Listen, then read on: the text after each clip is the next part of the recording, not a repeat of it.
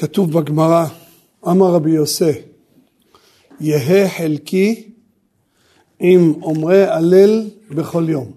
מה זה אומרי הלל בכל יום? הגמרא מסבירה שזה על פסוקי דה זמרה. יהא חלקי, זאת אומרת שזה חשוב מאוד לומר פסוקי דה זמרה. צריך פה קודם להבין המשמעות של יהא חלקי, שזה לא כולם אומרים פסוקי דה זמרה, אלא רק חלק. ואם לא כולם אומרים, זה כנראה שזה לא חובה. הרי לא כתוב יהא חלקי עם מי שמתפלל בכל יום. כי כל אחד חייב, מה זה יהא חלקי? כל אחד חייב להתפלל. יהא חלקי עם שומרי שבת, בטח שיהיה חלקי עם שומרי שבת. אבל הלשון יהא חלקי משמע לכאורה שזה מצווה מן המובחר כזה, זה לא כולם עושים את זה. אבל מצד שני, יש ראשונים שכותבים שזה חובה ממש. כך כתוב במחזור ויטרי, שחובה לומר פסוקי דה זמרה.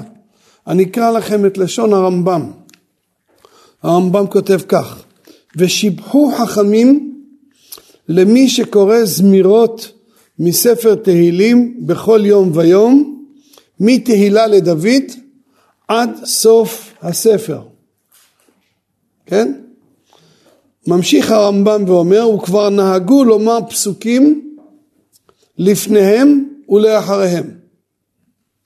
הפסוקים שאומרים לפניהם זה מה שאנחנו אומרים יהי כבוד וגם מזמור לתודה אנחנו אומרים ולאחריהם יש פסוקי ויברך דוד ברוך השם לעולם אמן ואמן ויברך דוד ושירת הים.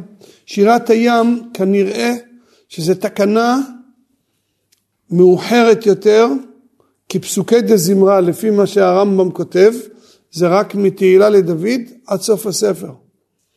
שירת הים היא מופיעה כבר בסידורי הקדמונים, ממש קדמונים.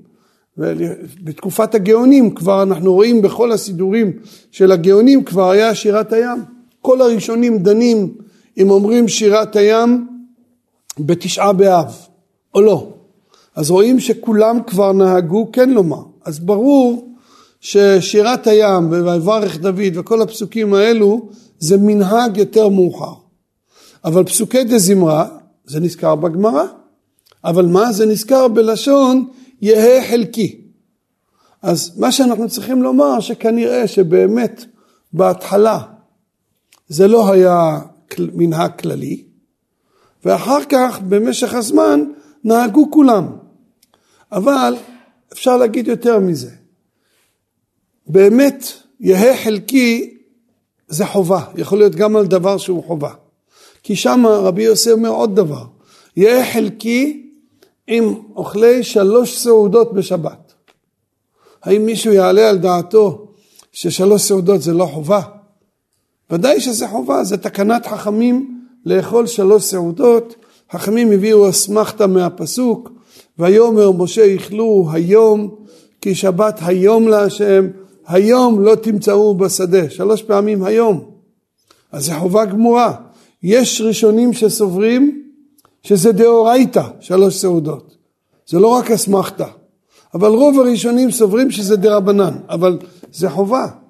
לפי זה אנחנו צריכים לומר שגם פסוקי דה זמרה זה חובה, זה תקנת חכמים. אלא מה? זה שרבי יוסי אמר יהיה חלקי גם על זה וגם שלוש סעודות, כנראה שלמרות שזה חובה, לא כולם היו נזהרים בזה, ובא רבי יוסף ואמר שצריך להיזהר בזה. והוא אומר יהיה חלקי שזה הדבר הנכון שצריך לעשות. עכשיו, למה כל הנושא הזה חשוב? הרי כל עם ישראל היום אומרים פסוקי דה זמרה. בדבר שנגיד, גם אם נגיד שזה לא היה תקנת חכמים, הרמב"ם כותב תקנו חכמים, כן? הלשון של הרמב"ם שיבחו חכמים למי שאומר. אבל הרי אנחנו רואים שתקנו ברכה לפני פסוקי דה זמרה את ברוך שאמר, ואחריהם תקנו את ברכת השתבח. דרך אגב, בסדר רב עמרם גאון כותב שהיסוד של פסוקי דה זמרה, למה תקנו לומר פסוקי דה זמרה? כי חז"ל אומרים לעולם יסדיר אדם שפחו של מקום תחילה ואחר כך יתפלל. אדם שבא לפני המלך, קודם כל הוא משבח את המלך. אתה מלך גדול, אתה חזק, משבח אותו, ואחר כך הוא מבקש ממנו מה שהוא רוצה. כמו משה רבנו, ואתחנן אל השם בעת ההיא לאמור, השם אלוקים, אתה החילוט להראות את עבדך, את גודלך ואת ידך החזקה, אשר מאל בשמיים ובארץ, אשר יעשה כמעשיך וכגבורותיך. ואז הוא מבקש, אעברה נא ואראה. יסדיר אדם שבחו של מקום תחילה. אז ובכן, גם פסוקי דה זמרה זה שבח של הקדוש ברוך הוא, כל הפסוקים שמה הם שבח לקדוש ברוך הוא מתחילה ועד סוף. אז אם כך, יש בזה כך, אומר בסדר רב עמרם גאון, יסדיר אדם שפחו של מקום ואחר כך יתפלל. ובאמת, זה לא סתם להסדיר שפחו של מקום, זה נפקא מינה להלכה. אם אדם בא מאוחר לבית הכנסת והוא רוצה להספיק להתפלל תפילה בציבור, זו מעלה גדולה מאוד להתפלל עם הציבור, והוא רואה שהציבור כבר הגיעו לאז ישיר, כבר ליוצר, הוא לא יספיק. אז יש לו דרך של דילוגים. יתי יגיד ברוך שאמר, השולחן ערוך בסימן נ"ב מדבר על זה, מה כן לדלג, מה לא. אבל השולחן ערוך כותב שאם הוא הגיע מאוחר מאוד, והוא התחיל מיוצר ואמר שמונה עשרה, אחרי שמונה עשרה הוא הפסיד את פסוקי דזמרה. אני אקרא לכם את הלשון של השולחן ערוך. ואם כבר התחילו הציבור יוצר ואין שהות לומר פסוקי דזמרה אפילו בדילוג, אפילו קצר, רק להגיד אה, ברוך שאמר אשרי אה, והשתבח, או הרמה מוסיף עלו את השם מן השמיים ועלו אל בקודשו, הוא אין לו, הוא לא יכול להספיק בכלל, אז יקרא קריאת שמע וברכותיה עם הציבור ויתפלל עמהם ואחר כך יקרא כל פסוקי דזמרה בלא ברכה של לפניהם ולא של אחריהם. רואים, זה שיטת הגאונים, מה שמרן כותב פה, המקור של דברי השולחן ערוך זה הגאונים. אז אנחנו רואים שהגאונים סוברים שכל השייכות של פסוקי דה זמרה זה משום יסדיר אדם שפחו של מקום ואחר כך יתפלל. מה אתה מסדיר את שפחו אחרי שהתפללת? לכן אחרי העמידה זה בלי שם ומלכות. הוא לא יכול להגיד את הברכות ממש, לברך את ברוך שאמר ואת השתבח. עכשיו לפי זה יוצא לכאורה שפסוקי דה זמרה, הברכות שלהם זה ממש כמו תקנת חכמים. יסדיר אדם שפחו של מקום ואחר כך יתפלל. השאלה היא כזאת, בגמרא שלנו לא נזכר בכלל ברוך שאמר והשתבח, אבל הלשון של הרמב"ם ותקנו חכמים, זאת אומרת רואים ברמב"ם המילים ותקנו חכמים ברכה לפני הזמירות והיא ברוך שאמר וברכה לאחריהם והיא השתבח, תקנו חכמים. אז לפי הרמב"ם בוודאי שגם כל פסוקי דה זמרה זה תקנת חכמים, אז כמובן שזה חובה גמורה וצריך לברך לפניהם ולאחריהם. הפרי חדש מקשה על הדין הזה. הוא אומר בכלל, הוא מקשה, איך זה שאנחנו מברכים ברוך שאמר והשתבח. זה לא נזכר בגמרא. אז אומר הפרי חדש, אם זה לא נזכר בגמרא, אז כנראה שזה תקנה שאחרי הגמרא. אחרי הגמרא זאת אומרת תקנת הגאונים. והראש כותב שלא מברכים על תקנת הגאונים. ככה דעת כמה וכמה ראשונים שלא מברכים על תקנת הגאונים. אז איך אתה אומר בשם ומלכות ברכה שלא נזכרה בש"ס? אתם יודעים שמרן השולחן ערוך סובר שלא מברכים הנותן ליעף כוח בגלל שזה לא נזכר בגמרא. כל ברכות השחר נזכרו בגמרא חוץ מהנותן ליעף כוח. מרן השולחן ערוך סובר לא לברך, אבל אה, אנחנו כן נוהגים לברך בגלל רבנו הארי. בענייני התפילות אנחנו נוהגים כמו רבנו הארי, לא שייך להגיד פה ספק ברכות להקל, כך קבע רבנו הארי. מצד שני, יש עוד סוגים של ברכות שלא נזכרים בגמרא. למשל, הנשים מברכות שעשני כרצונו. בגמרא לא כתוב ככה, בגמרא כתוב רק שמברכים שלא עשני גוי, שלא עשני עבד ושלא עשני אישה. לא כתוב מה, מה עושה האישה. אז זו הסיבה באמת שהאישה צריכה להגיד שעשני כרצונו בלי שום מלכות. יש בזה מחלוקת, כיוון ששוב, זה ברכה שלא נזכרה בגמרא. זו הנקודה, שזה לא נזכר בגמרא. לכן אנחנו הספרדים נוהגים להגיד שהאישה אומרת רק שעשני כרצונו, ברוך שעשני כרצונו, בלי שם ומלכות. יש היום מודרניים כאלו, שהם כל כך כואב להם שהם לא נולדו אישה, והם דואגים גם לכבוד של הנשים, אז אה, הם, יש סידורים, ראיתי דבר כזה, שבין האיש, בין האישה צריכים לברך, הם מחקו את ברכת שלא עשני אישה, בין האיש, בין האישה, מברכים ברוך אתה השם אלוקינו מלך העולם שעשני כרצונו, לא פחות ולא יותר. עכשיו, מילא על האישה יש, יש אצל האשכנזים, חלק נוהגים להגיד את זה בשם המלכות, אבל על האיש להמציא בגלל שיגעון קנאי כזה של השוויון, שוויון המדומה שהם יוצרים, הם חושבים שבזה הם, הם מכבדים את האישה, נגד הדרת נשים, מה שהם קוראים. אז בגלל זה, כדי להראות שהדרת נשים מותר בשבילה אפילו לברך ברכות לבטלה. איזה דבר משונה והם קוראים עוד לעצמם אורתודוקסים. עד כדי כך. בכל אופן, כפי שאמרתי, אנחנו הספרדים אומרים רק בלי שם המלכות, ברור שעשני כרצונו, כי זה לא נזכר בגמרא. הנותן ליעף כוח, לפי רבנו הארי, יש לזה כנראה יסוד קדום, אם רבנו הארי ככה כותב, יכול להיות שזה קשור לזוהר הקדוש, למקובלים, בכל אופן אנחנו נוהגים לברך הנותן ליעף כוח. אבל כללית, ברכות, כל ברכה שלא נזכרת בגמרא, אנחנו לא מברכים אותה.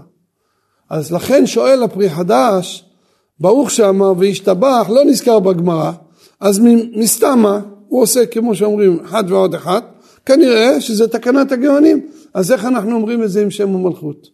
זה הטענה של הפרי חדש. אבל באמת, החידה מקשה על הפרי חדש, הוא תמה עליו. אתה אומר שזה לא תקנת חכמים. קודם כל הרמב"ם הרי כותב תקנו חכמים. באמת הברכה ברוך שאמר וגם משתבח מופיעים שתי הברכות האלו בספר היכלות שחיבר אותו רבי ישמעאל בן אלישע כהן גדול. שהיה בסוף תקופת בית שני. זאת אומרת, זה ודאי שזה תקנת חכמים, זה מופיע שם. גם בזוהר הקדוש. הזוהר הקדוש גם כן נכתב בזמן התנאים. שם כתוב, ברוך שאמר, כתוב השתבח, זה כתוב שם. והחידה מזה דוחה את דברי uh, הפרי חדש. דרך אגב, אותה שאלה מעניין מאוד, שלא מזמן הייתי באיזה מקום, וראיתי ספר אחד של אחד תלמיד חכם חשוב ונכבד, שמעורר שאלה דומה לגבי ברכת הדלקת נרות שבת. תחפשו בגמרא, לא מופיע בשום מקום שמברכים על נרות שבת. בגמרא כתוב על נרות חנוכה, כן.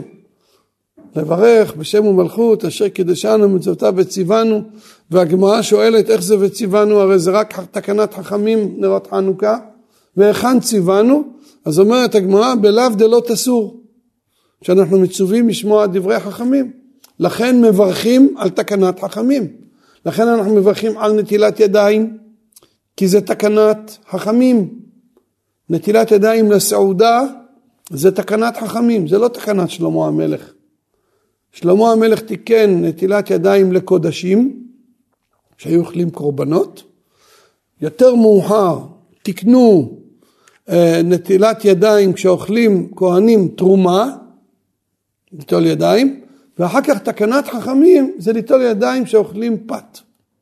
ויש עוד תקנה על דבר שטיפולו במשקה, שזה תקנה יותר קלה, ולכן אנחנו גם יש מחלוקת על הברכה, להלכה אנחנו לא מברכים על זה. אז זה תקנת חכמים. עכשיו, אה, מקרא מגילה, דברי קבלה או תקנת חכמים, לפחות אחד אפשר להגדיר אותו כתקנת חכמים, אנחנו מברכים. כל תקנות חכמים אנחנו מברכים. עירוב, על מצוות עירוב, עירובי תבשילין, עירובי חצרות, מברכים עליהם. למה? תקנת חכמים. אבל נרות שבת לא נזכר בגמרא. עכשיו, כל מי שילמד את הראשונים יראה שכולם, כולם כולל כולם, ללא יוצא מן הכלל, כותבים לברך על נרות שבת אשר קידשנו במצוותיו וציוונו להדליק נר של שבת, נר, כן? ככה אנחנו מברכים, כולנו. הרמב"ם מזכיר את הברכה, השולחן ערוך, כולם. עכשיו הברכה הזאת לא נזכרת בגמרא. התוספות בשבת כ"ה עמוד ב' כותבים שיש מי, יש כאלה שרוצים לומר שלא מברכים על נרות שבת. כי לא רק שזה לא נזכר בגמרא, הברכה. בגמרא כתוב שהדלקת הנר בשבת חובה. על איזה דבר נאמר חובה? מים אחרונים. מים אחרונים חובה. למה אנחנו לא מברכים על מים אחרונים? כי זה חובה וזה לא מצווה. מים אחרונים תקנו אותם משום שהידיים נוגעות במלח סדומית שמסמא את העיניים ולכן יש באמת מחלוקת אם בזמננו צריך, הלכה שכן לדעת מרן השולחן ערוך חייבים גם בימינו מים אחרונים. יש ראשונים, התוספות מקלים, יש כאלה שסומכים על התוספות, אבל השולחן ערוך פסק שמים אחרונים חובה, כן? אז, אז אם כך, מים אחרונים אנחנו לא מברכים עליהם בגלל שזה זהירות, גם פה הנרות שבת זה אמצעי שיהיה לנו אפשרות לאכול לאור הנרות. כותבים על זה התוספות ומביאים ראיות. התוספות מביאים שם, דנים בנושא, מביאים ראיות לכאן ולכאן, אבל התוספות כותבים שיבוש הוא. אלה שאומרים לא לברך על נרות שבת, זה שיבוש. בתשובות רבנו תם בספר הישר, התוספות כותבים שיבוש הוא בשם רבנו תם. בתשובות שלו מובא אחד בשם רבנו משולם, שכתב מכתב לרבנו תם, שלפי דעתו לא צריך לברך על נרות שבת, ורבנו תם ענה לו בתקיפות גדולה מאוד שחובה לברך, צריך לברך על נרות שבת, ומביא כמה ראיות לזה רבנו תם. עכשיו חוץ מרבנו משולם הזה שמובא בספר הישר, חיפשתי, אין שום, לא מצאתי שום אחד שיגיד שלא מברכים על נרות שבת. אז הייתי פעם באיזה מקום, ראיתי ספר אחד, ספר יפה מאוד, ששם היה מאמר של אחד, תלמיד חכם גדול, ששואל, כל הראשונים אומרים לברך. וחוץ מרבנו משולם, כל הראשונים אומרים לברך. ובגמרא זה לא מופיע. אז על כורחנו לומר שזה תקנת הגאונים, הוא כנראה הולך אחרי מה שהפרי החדש טוען על ברוך שאמר והשתבח, שאם זה לא נזכר בגמרא, מסתם זה תקנת הגאונים. אז הוא אומר מכאן ראיה שמברכים על תקנת הגאונים נגד מה שאבא שלי בכמה מקומות כתב שלא מברכים על תקנת הגאונים. ככה הוא כתב החכם הזה. אבל האמת שזה לא נכון. בגמרא שלנו באמת לא נזכר הברכה. אבל יש הרעביה, הוא מביא כך בשם ירושלמי פרק הרועה. זה הפרק האחרון במסכת ברכות, שמברכים על נר שבת, להדליק נר של שבת, ועל נר של יום טוב להדליק גם על יום טוב, הוא כותב להדליק נר של יום טוב. עכשיו, כזה הרעביה כותב את זה, האור זרוע כותב את זה, את הירושלמי, מביא בשם ירושלמי.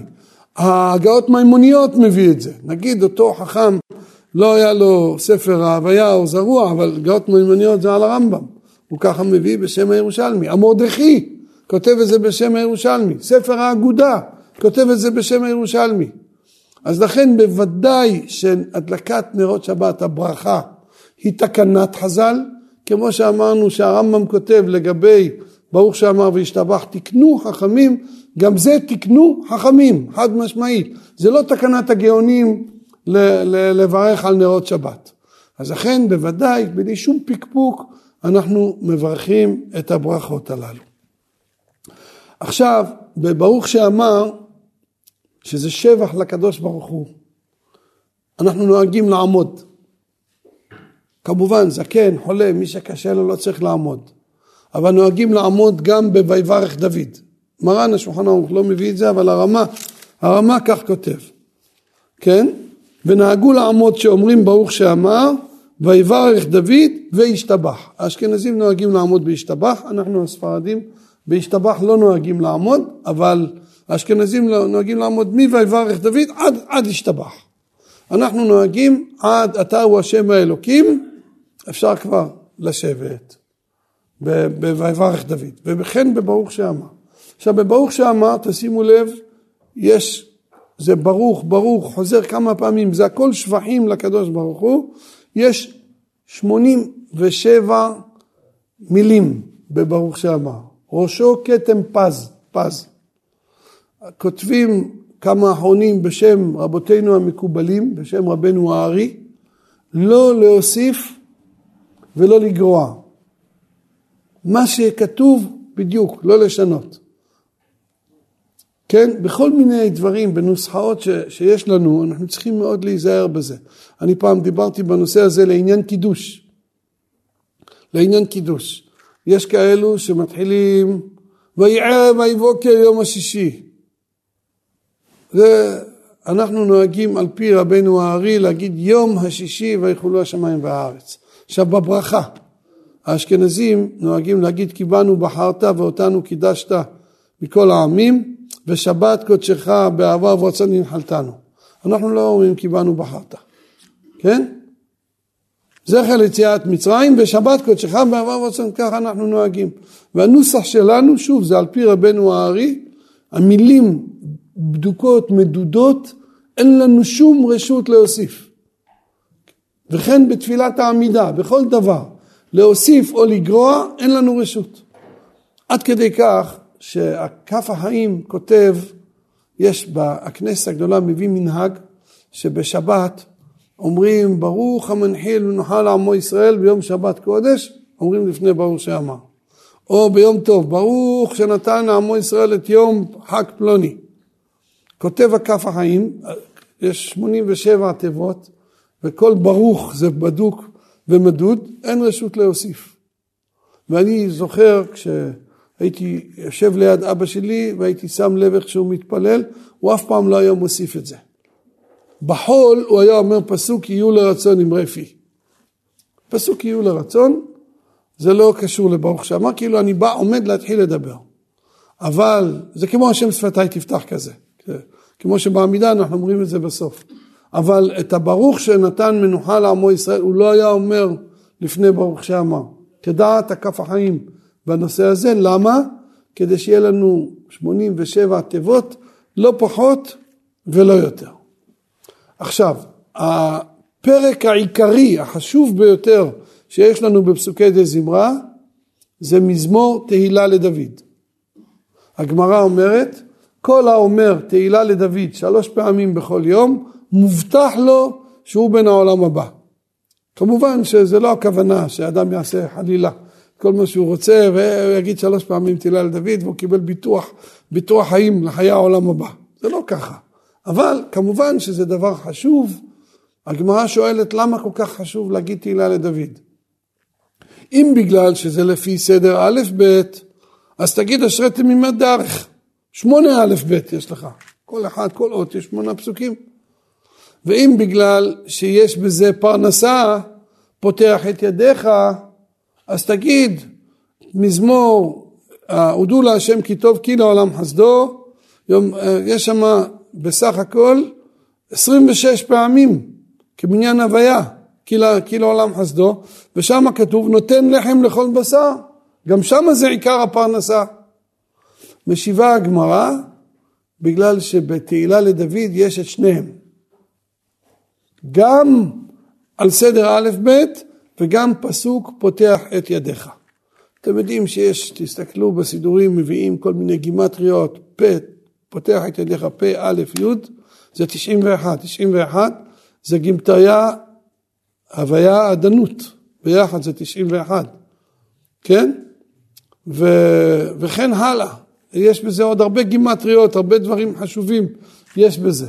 ויש גם ספי תיבות, ראשי תיבות, אבל העיקר הוא, זה לכוון, פותח את, פשוט פירוש המילים, פותח את ידיך ומשביע לכל חי רצון, שהקדוש ברוך הוא זן ומפרנס לכל חי, מביצי קינים עד קרני ראמים. נוהגים גם כן לפתוח את הידיים, כאילו מבקשים לקבל את השפע מהקדוש ברוך הוא. אם אדם אומר את זה, בוודאי זה שווה, היום אנשים הולכים מבקשים מכולם פרנסה, פרנסה. הנה יש לך, אתה מדבר ישר, מבקש ברכה מהקדוש ברוך הוא, וחז"ל אומרים שתגיד את זה בגלל הפרנסה. כותב רבנו יונה, שאם אדם לא אמר את הפסוק הזה בכוונה, לא כיוון על הפרנסה, אז צריך לחזור על הפסוק הזה. כך נפסק בשולחן ערוך. כן, כתוב בשולחן ערוך בפירוש, הנה אני אקרא לכם את הלשון, צריך לכוון בפסוק פותח את ידיך, ואם לא כיוון צריך לחזור ולאומרו פעם אחרת. הלבוש סובר שאתה צריך לחזור לשם עד סוף הפרק. אבל יש כמה אחרונים שדוחים שמספיק לחזור על פסוק פותח את ידיך ומשביע לכל חי רצון. אבא שלי סובר שאם זה באמצע הפרק אל תפסיק, אל תפסיק, זאת אומרת להמשיך, למשל באמצע הללויה לי נפשי הוא נזכר שהוא לא כיוון בפותח את ידיך, אז תגמור עד ימלוך השם לעולם ולא יחשב לדבר דור הללויה ואז בין מזמור למזמור תגיד את זה בכוונה. יש מהראשונים שכותבים שלמה אומרים את זה שלוש פעמים כל יום? בגלל שאם לא כיוונת פעם אחת, אז יש לך פעם שנייה, ואם לא פעם שנייה, לכל הפחות פעם שלישית.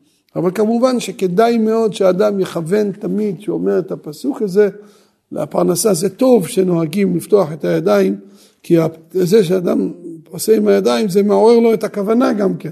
כן, הוא עושה משהו, ואז ממילא הוא חושב על הכוונה בפסוק הזה. בכל אופן, צריך לדעת שזה העיקר, ולכן מרן בסימן נ"ב כותב שאם אדם בא מאוחר לבית הכנסת, אז קודם כל יגיד ברוך שאמר, ואחר כך יגיד אה, את המזמור הזה, תהילה לדוד, ואחר כך הללו את השם מן השמיים, ואחר כך הללו אל בקודשו. כך פוסק בסימן נ"ב, השולחן ערוך. הרמ"א כותב שאם אה, אין, אין, אין שהות, יאמר טוב, הוא מביא, יש בזה כמה וכמה דעות, אחר כך מרן כותב בעצמו לאחר מכן, הרמ"א אה, דן מה אם יש עוד קצת זמן, מה כן להוסיף, אבל מרן כותב אם אין שהות כל כך, ידלג גם מזמור הללו את השם מן השמיים, כן? זאת אומרת העיקר זה תהילה לדוד. עכשיו כמובן יש תקנה קדומה מאוד זה תקנת, הג... כבר בזמן הגאונים. בסידורי הגאונים כבר תראו שלפני תהילה לדוד, המזמור מתחיל תהילה לדוד, כן? אבל לפני זה נוהגים להגיד שני פסוקים. תמיד כשאומרים את המזמור הזה, מקדימים לו שני פסוקים. אשרי יש בביתך עוד יעללוך הסלע, אשרי העם שככה לו, אשרי העם שהשם אלוקיו, ואחר כך בסוף, ואנחנו, גם זה לא, לא שמה, זה במקום אחר, אומרים עוד פסוק, ואנחנו נברכיה מעתה ועד עולם הללויה. זה תקנה קדומה להוסיף את הפסוקים הללו. עכשיו, אני רוצה לדבר בעניין הזמן של פסוקי דה זמרה. זו שאלה באמת מאוד מאוד לא פשוטה. עד מתי? קודם כל, זמן פסוקי דה זמרה, לכאורה זה תלוי כיוון שאמרנו בשם הגאונים, שפסוקי דה זמרה קשורים לתפילה, יסדיר אדם שפחו של מקום ואחר כך יתפלל, אז מסתבר לומר שאי אפשר להתחיל בפסוקי דה זמרה לפני זמן תפילה. בגמרא כתוב שאנשים שיוצאים לדרך שעת הדח הגדול, הגמרא אומרת אבודי, שמואל ולוי, היו מתפללים לפני שיגיע זמן קריאת שמע, ואחר כך, כשהיה מגיע זמן קריאת שמע, היו קוראים קריאת שמע. עכשיו, מה זה היו מקדימים? שהם היו מקדימים. אז יש בזה מחלוקת. יש אומרים שהיו מקדימים אפילו לפני עלות השחר. אבל כמעט כל הראשונים סוברים שאי אפשר להקדים להתפלל לפני עלות השחר. עכשיו, זה נפקא מינה גדולה עכשיו בימות החורף, שהזריחה מאוד מאוחרת ואדם ממהר מאוד, אי אפשר, אסור להתפלל לפני עלות השחר. עכשיו, קורבנות, אפשר להגיד, אם יש לאדם שעת הדחק גדול, צריך גם לדעת, מי שמתפלל לפני הזריחה, לפני הנץ, שמונה עשרה, זה תפילה בדיעבד. עדיף להתפלל ביחיד בנץ או אחרי הנץ, מאשר להתפלל בציבור לפני הזריחה. זה תפילה בדיעבד. אבל בדיעבד מותר להתפלל, כמו שאמרתי, מעלות השחר. זה דיעבד. עכשיו, לגבי ברוך שאמר והשתבח, פוסק אבי מורי בשו"ת יחווה דעת, שגם את אותם אסור להגיד לפני עלות השחר.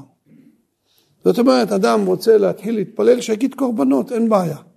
הוא לא יכול להניח תפילין עדיין, הוא לא יכול להתעטף בציצית, זה ודאי שלא, זה גם לא בעלות השחר. זה רק כמה דקות אחרי עלות השחר. בדרך כלל שעה. יש מי שיכול להחמיר לא להתעטף בציצית ולא להניח תפילין עד 40 דקות לפני הזריחה, ודאי שזה יותר טוב, אפילו חצי שעה. אבל אני אומר, לגבי הקורבנות אפשר להגיד לפני עלות השחר, אבל ברוך שאמר רק מעלות השחר. למה? כי זה כמו שאמרתי, זה קשור לתפילה. עכשיו, השאלה הגדולה שיש, עד מתי זמן פסוקי דה זמרה? עד מתי? עכשיו, זמן תפילה, אתם יודעים, שעד ארבע שעות, ודאי לכל הדעות, אפשר להתפלל תפילת שמונה עשרה של שחרית. יש מחלוקת אם הארבע שעות האלו מונים אותם מעלות השחר או מהזריחה. מי שמקל מהזריחה, בוודאי שיש לו על מה שיסמוך. אפילו לכתחילה מי שמקל בזה, לגבי תפילה, יש לו על מה שיסמוך. לגבי קריאת שמע דאורייתא, זה עניין אחר, אבל לגבי תפילה, עד ארבע שעות. מה יהיה הדין אם אדם לא יתפלל עד ארבע שעות? אז ככה, אם זה היה, זה מחלוקת ראשונים. זה מחלוקת ראשונים. יש ראשונים שסוברים שעד ארבע שעות אפשר להתפלל, אחרי ארבע שעות אי אפשר בכלל. אין, עבר זמן תפילה. יש ראשונים שאומרים שבדיעבד אפשר להתפלל עד חצות. בדיעבד עד חצות. בבית יוסף כך משמע, בסימן פט בבית יוסף משמע שזה עד חצות, אבל בשולחן ערוך אני אקרא לכם את לשונו. ונמשך זמנה עד סוף ארבע שעות, זמן תפילה, שהוא שליש היום, זאת אומרת בשעות זמניות. ואם טעה או עבר והתפלל אחר ארבע שעות עד חצות, אף על פי שאין לו שכר כתפילה בזמנה, שכר תפילה מהאיכה. כן? אם טעה או עבר. אנחנו יכולים לפרש פה את דברי השולחן ערוך בשתי אפשר, שתי אפשרויות. יש אפשרות אחת, אם טעה ולא יתפלל עד ארבע שעות, או עבר ולא יתפלל עד ארבע שעות, כן, טעה ולא עשה, לא יתפלל עד ארבע שעות, אז זאת אומרת שמותר להתפלל אפילו עבר, מה זה עבר? טעה זה שוגג, עבר זה מזיד. שאפילו אם לא יתפלל במזיד, יכול להתפלל אחרי ארבע שעות. אבל אפשר להסביר אחרת. שעבר ארבע שעות, אסור לך בכלל להתפלל. אבל בדיעבד, אם יתפלל אחרי ארבע שעות, אז זה בסדר. אבל לכתחילה אסור. עבר, עבר, זאת אומרת, עבר והתפלל. או שהוא לא ידע את ההלכה והוא התפלל אחרי ארבע שעות, או שהוא כן ידע את ההלכה ובמזיד הוא התפלל אחרי ארבע שעות. זה מחלוקת גדולה באחרונים בדעת השולחן ערוך. ופה אלה שסוברים שאסור להתפלל אחרי ארבע שעות, גם אם נפרש בדעת הבית יוסף שאפשר, הם אומרים, השולחן ערוך נכתב אחרי הבית יוסף. אז יש פה מחלוקת. אבי מורי במשך כל השנים הכריע שזה תלוי. אם זה היה בשוגג, הרי אדם שלא יתפלל בכלל שחרית, נגיד הגיע עבר עד חצות היום, לא יתפלל שחרית, אין לו יותר, לא יכול להתפלל שחרית. אבל אם זה היה בשוגג, הוא יכול להשלים תשלומין במנחה. הוא שמונה עשרה של מנחה, ואחר כך הוא מתפלל עוד שמונה עשרה תשלומין לשחרית. אז אם הוא יכול להשלים את שחרית בזמן מנחה, כל שכן כשעדיין לא הגיע הזמן מנחה, שיכול להשלים. אז לכן בשוגג אפשר עד חצות. במזיד רק עד ארבע שעות. אבל ביביע עומר חלק ט' משמע שהוא סובר שאפילו במזיד אפשר אחרי ארבע שעות. אני, אני חושב שהעיקר כמו שהוא כתב בתחילה, שאחרי ארבע שעות אנחנו צריכים להגיד ספק ברכות להקל. ואפילו אם נגיד שדעת מרן שאפשר אחרי ארבע שעות, כיוון שישנם כמה ראשונים שכותבים שבשום אופן לא, משמע מדבריהם שזה בכלל לא, שזה ברכות לבטלה. אז באמת כבר עבר הזמן, כמו שתתפלל שחרית אחרי הצהריים בלי מנחה, סתם, או תתפלל מנחה בלילה, כמו שיש כאלו שעושים ככה, מאוחר בלילה מתחילים להתפלל מנחה, ודאי שזה לא יעלה על הדעת. אז כיוון שזה מחלוקת ראשונים, ספק ברכות להקל. עכשיו לפי זה אנחנו יכולים לכאורה לומר אותו הדבר לגבי פסוקי דה זמרה. שאם בשוגג אדם לא יתפלל עד ארבע שעות, אז הוא יכול להתפלל עד חצות. אז פסוקי דה זמרה הוא יכול לברך בשם ומלכות את ברוך שאמר וישתבח, כיוון שזה קשור לתפילה. יסדיר אדם שפחו של מקום, כך כותבים הגאונים. יסדיר אדם שפחו של מקום ואחר כך יתפלל. אז אם אתה מתיר לו להתפלל, אתה יכול להתיר לו גם לומר פסוקי דה זמרה. אבל מה יהיה אם זה היה במזיד? בזה אני מסופק. מה יהיה אם במזיד אדם לא יתפלל עד ארבע שעות?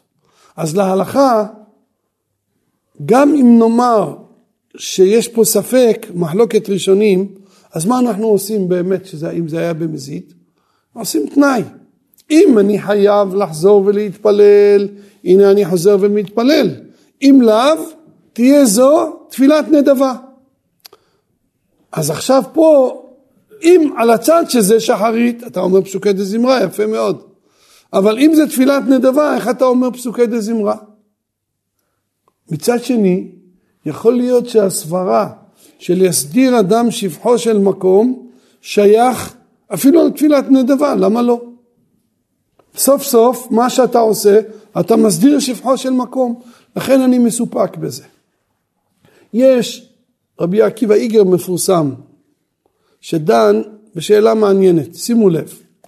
אני אמרתי לכם קודם, שאם אדם מיהר מאוד, הוא הגיע מאוחר, והוא רצה להתפלל בציבור, והוא דילג על פסוקי דה זמרה, הוא התחיל מיוצר, יותר מזה אי אפשר לדלג, על יוצר אי אפשר לדלג. הוא התחיל מיוצר, עכשיו אחרי העמידה הוא לא יכול להגיד ברוך שאמר וישתבח בשם ומלכות, למה? כי זה, תקנו את זה לפני התפילה, כך פוסק מרן השולחן ערוך בסימן נ"ב והמקור שלו כפי שאמרתי לכם זה בגאונים. שואל רבי עקיבא איגר שאלה מעניינת, בן אדם בא מאוחר לבית הכנסת, מבולבל, בא ומהר מהר הוא התחיל יוצר אור והוא התפלל שמונה עשרה, ואחרי שמונה עשרה הוא אומר, רגע, רגע, אני לא שאלתי טל ומטר. לא אמרתי ברך עלינו ותן טל ומטר. או לא אמר אצל האשכנזים בימות הקיץ, הם לא אומרים מוריד הטל, כן? אז בחורף הוא לא אמר כלום. לא אמר משיב הרוח מוריד הגשם. חלק מהאשכנזים ככה נוהגים. אז עכשיו מה הדין? אם הוא לא הזכיר לא טל ולא גשם, שום דבר, הוא צריך לחזור. אם הוא לא שאל טל ומטר בברכת השנים, אז הוא צריך לחזור. אז אומר רבי עקיבא איגר חידוש. הוא אומר, אם קרה דבר כזה, שאדם מיהר מאוד, והוא לא אמר פסוקי דה זמרה, הוא התחיל מי יוצר, והוא התפלל עמידה. ואחרי העמידה הוא נזכר שהוא לא שאל תעלומתה, יגיד עכשיו פסוקי דזמרה. כיוון שהוא צריך לחזור, אז יסדיר אדם שפחו של מקום ואחר כך יתפלל, אז שיגיד את פסוקי, פסוקי דזמרה בשם ומלכות. כך אומר רבי עקיבא איגר. אבל יש לכאורה הערה על הדברים שלו. יש מחלוקת ראשונים על אדם ששכח להגיד יעלה ויבוא במנחה בראש חודש. הוא לא אמר יעלה ויבוא. עכשיו, הוא פיקח חוזה, הוא שכח, הוא היה טרוד. מתי הוא נזכר שהוא לא אמר יעלה ויבוא? בלילה, במוצאי ראש חודש, זה כבר לא ראש חודש. האם הוא צריך לחזור? הרי בוודאי, אם הוא יחזור, הוא כבר לא יכול להגיד יעלה ויבוא. מה יגיד ביום ראש החודש הזה? שקרן, זה כבר לא ראש חודש. ראש חודש היה פעם. מה אתה מזכיר יעלה ויבוא? אז, אז אלא מה? הוא יחזור על שמונה עשרה בלי יעלה ויבוא. אז מה הוא הרוויח? כל מה שהוא חוזר זה בגלל יעלה ויבוא. אז זה מחלוקת ראשונים. יש ראשונים שאומרים שאם לא הזכיר יעלה ויבוא זה כאילו לא התפלל. חכמים תיקנו להגיד יעלה ויבוא בראש חודש. לא אמרת, לא התפללת. ומה הדין למי שלא התפלל? צריך תשלומין בערבית. אז הוא צריך לחזור בערבית, תשלומין. יש ראשונים שאומרים לא. זה שלא אמרת יעלה ויבוא, זה לא כאילו לא התפללת. התפללת, אבל החסרת יעלה ויבוא. כדי לתקן את מה שהחסרת יעלה ויבוא, אתה לא יכול לעמוד סתם ולהגיד יעלה ויבוא, אתה צריך לחזור על כל שמונה עשרה כדי להגיד יעלה ויבוא. ואז ממילא במוצאי ראש חודש, כיוון שאתה לא יכול כבר לתקן את זה, אז הפסדת. זאת אומרת, השאלה היא, זה שצריך לחזור על יעלה ויבוא, האם זה לתקן? זה, כן התפללת, אלא מה שאתה צריך תיקון לתפילה שלך, או שזה כאילו לא התפללת. זה מחלוקת ראשונים. עכשיו לכאורה לפי זה, אם נאמר שזה כאילו לא התפללת, אז יפה מאוד מה שאומר רבי עקיבא איגר, שאם לא, אם זה כאילו לא התפללת, אם לא אמרת פסוקי דזמרה קודם, אז לכל הפחות עכשיו תגיד פסוקי דזמרה. אבל אם נגיד שזה רק לתקן, אז איך אתה יכול להגיד אה, אה פסוקי דזמרה? בכל זאת רואים ברבי עקיבא איגר שהוא סובר שכן אומר פסוקי דזמרה, כנראה שהוא סובר שלא אכפת לי, אפילו אם תגיד שזה רק לתקן, עדיין זה בגדר של יסדיר אדם שבחו של מקום ואחר כך יתפלל. אז לפי זה, לפי רבי עקיבא איגר, אני רוצה ללמוד שגם מי שלא, שלא יתפלל עד ארבע שעות, אפילו במזיד, והוא מתפלל עכשיו בתנאי של נדבה, הוא עושה תנאי של נדבה, אפילו האחי יכול להגיד לכאורה את פסוקי דזמרה לפי רבי עקיבא איגר. זה סברה, עכשיו יש פה עוד נקודה, למה רבי עקיבא איגר כותב שהוא נזכר שאחר כך הוא לא אמר משיב הרוח מוריד הגשם, או שהוא לא אמר טל ומטר, למה הוא לא מזכיר יעלה ויבוא? יכול להיות מכאן ראיה להגאון רבי חיים מבריסק. רבי חיים מבריסק אומר כך, הוא אומר יעלה ויבוא זה מעין המאורע, זה תוספת שהוסיפו חכמים בתפילה. מעין המאורע.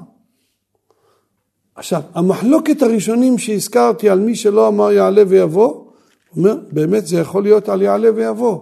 האם זה מעין המאורע בלבד, או שזה כאילו חלק הפך להיות ממש חלק מהתפילה, וכאילו לא התפללת. אבל תעלומתר, תעלומתר שחכמים תיקנו בברכת השנים, אומר רבי חיים מבריסק, זה חלק ממש מהתפילה. אם אדם החסיר ברכה אחת בתפילה, מה הדין?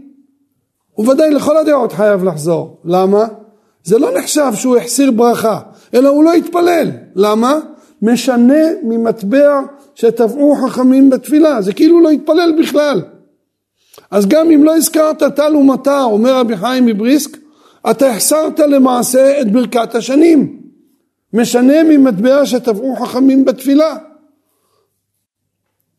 אז אני רוצה לומר שכנראה שרבי עקיבא איגר, שמביא את הנושא שלו על טל ומטר ועל משיב הרוח מוריד הגשם, שזה תקנת חכמים, שניהם מפורש במשנה. ואנחנו רואים מצד שני הוא לא אמר על יעלה ויבוא, כנראה שהוא סובר אולי, אולי ככה יכול להיות, שבאמת ביעלה ויבוא לא, כי יעלה ויבוא זה רק מעין המאורע, אבל טל ומטר זה משנה ממטבע שטבעו חכמים. אבל יש בשו"ת הר צבי, הוא לא מסכים עם רבי חיים מבריסק. הוא טוען כנגדו, אם אתה רוצה להגיד שטל זה גדר של משנה ממטבע שטבעו חכמים, אז למה יכול לתקן את זה בשמע קולנו? חכמים, אתה רואה שאדם אם לא אמר ותן ומטר, הוא נזכר בברכות שלאחר מכן, אתה לא מחייב אותו לחזור, הרי שינה ממטבע שטבעו חכמים.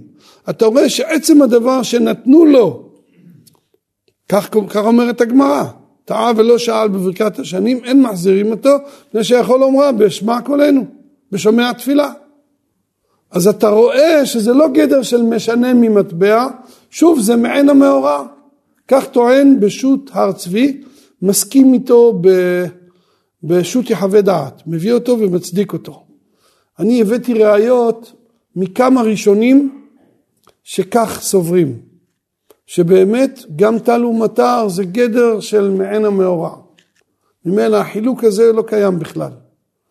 אה, פעם, לפני אולי עשר שנים, היה כאן בבית המדרש שלנו מרן הגאון הרב שלום כהן, שביום שבת אחרי הצהריים הוא נתן שיעור, והשיעור שלו היה על רבי חיים מבריסק הזה, והוא העריך להוכיח שהתוספות סוברים לא כמו רבי חיים מבריסק. אחרי שהוא גמר, אני הראיתי לו שאני הבאתי ראיות מאוד ראשונים, והבאתי לו גם את ההר צבי, שכותב ככה לדחות בגלל שמע קולנו, והוא מאוד שמח על זה. אבל ככה הייתה דעתו לא כמו רבי חיים מבריסק, הוא הביא לזה ראיות. עכשיו לפי זה, אם אנחנו לא מחלקים, אז הסברה של רבי עקיבא איגר יכולה להיות כללית תמיד, בכל שינוי שאדם חייב לחזור על התפילה, לא משנה מאיזה סיבה. עצם הדבר שהוא חייב להתפלל, אז אם הוא לא אמר קודם פסוקי דה זמרה, יכול להגיד לאחר מכן. זה, אני חושב שלהלכה באמת מי שאומר, אפילו אם היה במזיד את פסוקי דה זמרה, יש לו על מה שיסמוך. אבל כמובן שימו לב רבותיי, אני מדבר על פסוקי דה זמרה. אני לא מדבר על יוצר אור וכל ברכות קריאת שמע. ברכות קריאת שמע אי אפשר לומר בכלל אחרי ארבע שעות. מי שמברך את ברכות קריאת שמע אחרי ארבע שעות זה ברכות לבטלה, ממש ברכות לבטלה. מרן השולחן ערוך כותב ככה בפירוש בסימן נ"ח. מרן כותב כך, אף על פי שזמנה של קריאת שמע נמשך עד סוף השעה השלישית, אם עברה שעה שלישית ולא קראה, קורא אותה בברכותיה כל שעה רביעית שהוא שליש היום, שעות זמניות, שוב, שליש היום, שעות זמניות. ואין לו שכר כקורא בזמנה. ואם עברה שעה רביעית ולא קראה, קוראה בלא ברכותיה כל היום, בלא ברכותיה. יש בזה מחלוקת ראשונים, הרמב"ם סובר שזה כל היום, כל הראשונים חולקים על הרמב"ם, כמעט כולם, לא כמו שכותב רבנו מנוח, שכל המפרשים מסכימים לרמב"ם. החידה כבר משיג עליו שאדרבה הראשונים סוברים לא כהרמב"ם ויש לנו פה הכרעה של השולחן ערוך. ודאי שזה ספק ברכות להקל נגד מרן. וכל שכן כשמרן דעתו שלא לברך. אז לכן אחרי ארבע שעות בוודאי שאי אפשר לברך את ברכות קריאת שמע. בעזרת השם באחד השיעורים הבאים אני רוצה עוד לדבר בנושא הזה של תפילה אחרי ארבע שעות וברכות קריאת שמע אחרי ארבע שעות. אבל קודם כל שלא יהיה אי הבנות ממה שאמרתי לגבי פסוקי דה זמרה. פסוקי דה זמרה אפשר להגיד אחרי ארבע שעות, כל זמן שאתה יכול להתפלל, אפילו אם אדם לא יתפלל במזיד אחרי ארבע שעות, עושה תנאי של נדבה, אני אמרתי, יש לי את הראייה הזאת שאמרתי מרבי עקיבא איגר, ואם נגיד שזה לא רק על טל ומטר, זה על כל מעין המאורע, אז ממילא תמיד אפשר יהיה להגיד את אה, ברוך שאמר וישתבח. אני לא יודע אם ככה אפשר להורות לכתחילה, אבל מי שיעשה כך, בוודאי שיש לו על מה שיסמוך. אם זה היה בשוגג, עד ארבע שעות לא יתפלל, בוודאי שלפני שהוא מתפלל את העמידה, הוא יכול להגיד את אה, פסוקי דה זמרה. אבל אני חוזר ומדגיש, ברכות קריאת שמע בשום פנים ואופן לא. אסור לברך את ברכות קריאת שמע בשם ומלכות בין, בין בשוגג בין במזיד, אפילו אם אדם היה חולה, שוכב במיטה חולה, אחרי ארבע שעות הוא קצת התאושש, הוא יכול, אז שמונה עשרה הוא יכול להתפלל. פסוקי דה זמרה הוא יכול להגיד ברוך שאמר וישתבח, אבל ברכות קריאת שמע הוא יכול להגיד אותם בלי שם ומלכות, בלי שם ומלכות. ואם יגיד את זה עם שם ומלכות אז הוא עובר על דברי השולחן ערוך שפסק שאסור, שאומר את זה בלי ברכות. רבי חנניה בן הקשה אומר